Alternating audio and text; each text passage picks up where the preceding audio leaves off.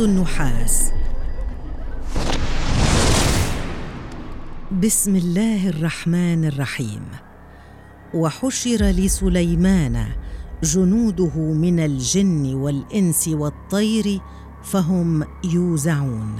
صدق الله العظيم.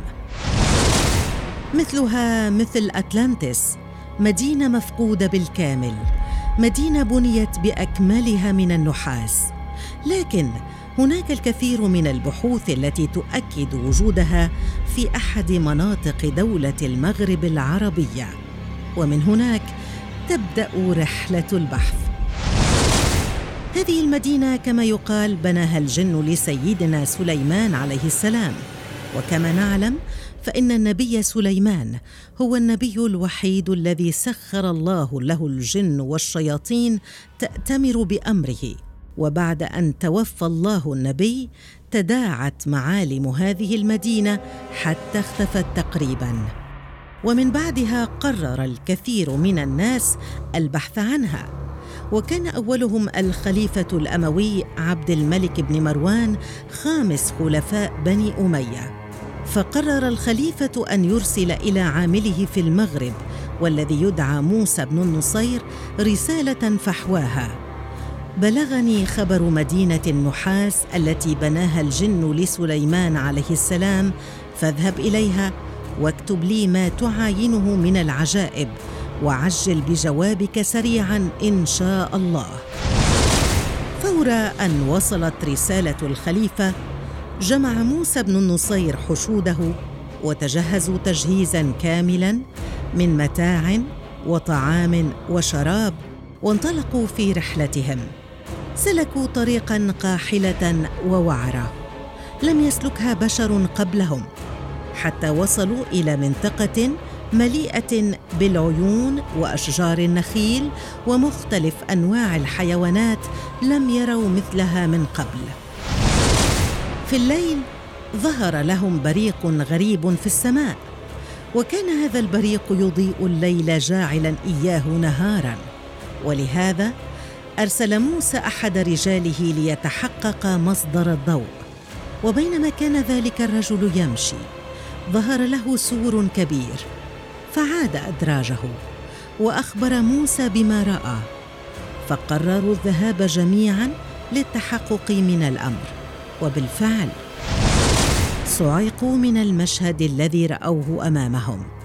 بدا لهم أنه سور نحاسي كبير ربما هو سور المدينة التي يبحثون عنها.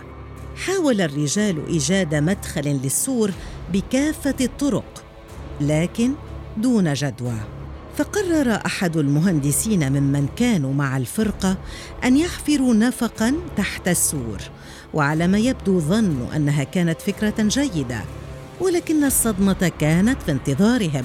فعندما باشروا الحفر بدأ الماء يخرج من الأرض أي من تحت أساسات السور. وأن تلك الأساسات كانت أقوى مما تخيلوا. بعد أن تراجعوا عن الفكرة الأولى قرر أحدهم أن يصنعوا سلما ويصعدوا من فوق السور. وبالفعل بدأت صناعة السلم ووضعوه على السور وصعد أول رجل منهم وما إن وصل إلى أعلى السور حتى بدأ يضحك بشكل هستيري وبدأ يصفق ورمى بنفسه من أعلى السور إلى داخل المدينة. تبع هذا الحادث مباشرة ضجة كبيرة وأصوات هائلة وصراخ غريب لم يسمعوه من قبل ولم تتوقف هذه الظواهر المرعبة في ذات الساعة بل استمرت لنحو ثلاثة أيام. وبعد أن خفت الصراخ بدأ الرجال بمناداة صاحبهم الذي سقط في المدينة عله يجيبهم ولكن لا أثر له. قرروا في النهاية أن يصعد رجل آخر لكنهم ربطوه من وسطه بحبل غليظ حتى إن أراد أن يلقي بنفسه في المدينة شدوه. وما إن وصل الرجل إلى آخر السلم حدث معه ما حدث مع الرجل السابق فبدأوا بشده إلى الأسفل لكنهم أحسوا بقوة ما تحاول شده إلى داخل المدينة. حتى انقطع جسد الرجل إلى نصفين فنصفه العلوي بقي في المدينة ونصفه السفلي عاد إلى الرجال. كان المنظر مرعبا ومخيفا للغاية. ثم سمعوا أصواتا وضجيجا مرعبا داخل سور المدينة. عند هذه المرحلة أيقن موسى ورجاله أن هذا من فعل الجن فلا تفسير آخر لذلك وأنهم وعلى ما يبدو يأخذون كل من رأى المدينة ويقتلونه أو يصيبونه بالجنون. لم يكن أمام موسى ورجاله سوى خيار واحد الرجوع وترك المدينة وشأنها. وبينما هم يعودون أدراجهم وجدوا ما يشبه لوحة رخامية ضخمة عليها نقوش وكتابات تبين أنها أسماء الأنبياء عليهم السلام وبعض الفراعنة والملوك وبعض الوصايا. ووجدوا صورة لرجل في يده لوح نحاسي مكتوب فيه ليس من وراء مذهب. فارجعوا ولا تدخلوا هذه الأرض فتهلكوا. لكن موسى كان يرفض الرحيل في قرارة نفسه وقال لنفسه لماذا نرحل؟ وهذه الأرض تحوي الخير والشجر والمياه. فقرر قرارا سيتحمل عواقبه وهو العودة ومحاولة دخول المدينة. وبالفعل عاد الرجال أدراجهم وهناك صدموا بمناظر لم يسبق أن رأوها في حياتهم. فقد خرج نمل ضخم جدا من بين الأشجار. مزق هذا النمل الرجال وخيولهم إلى أشلاء. وما إن وصل النمل إلى تلك الصورة النحاسية حتى عادوا أدراجهم وتركوا الرجال. وكأن هناك قوة ما في تلك الصورة. في هذه الأثناء كان موسى ورجاله قد ابتعدوا عن المدينة لكنهم تفاجأوا ببحيرة عظيمة تجتمع حولها الكثير من الأشجار والزهور المغرية جدا. وليس هذا فحسب بل كان هناك بعض الاواني النحاسية المختومة بالرصاص فقرروا أن يفتحوا واحدة من هذه الآنيات وما ان فتحوها حتى خرج منها فارس من نار يحمل رمحا أحمر وصاح والله لا أعود يا نبي الله. جربوا مع واحدة أخرى فحدث ذات الشيء.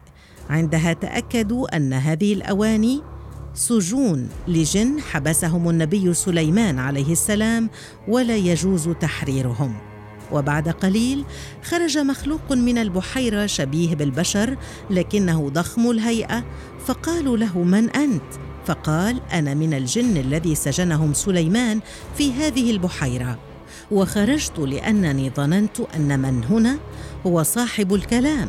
فقالوا من هو صاحب الكلام؟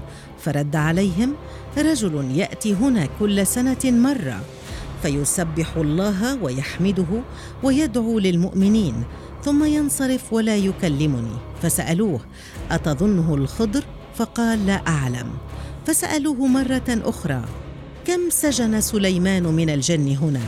فأجاب أن لا أحد يستطيع أن يحصي عددهم.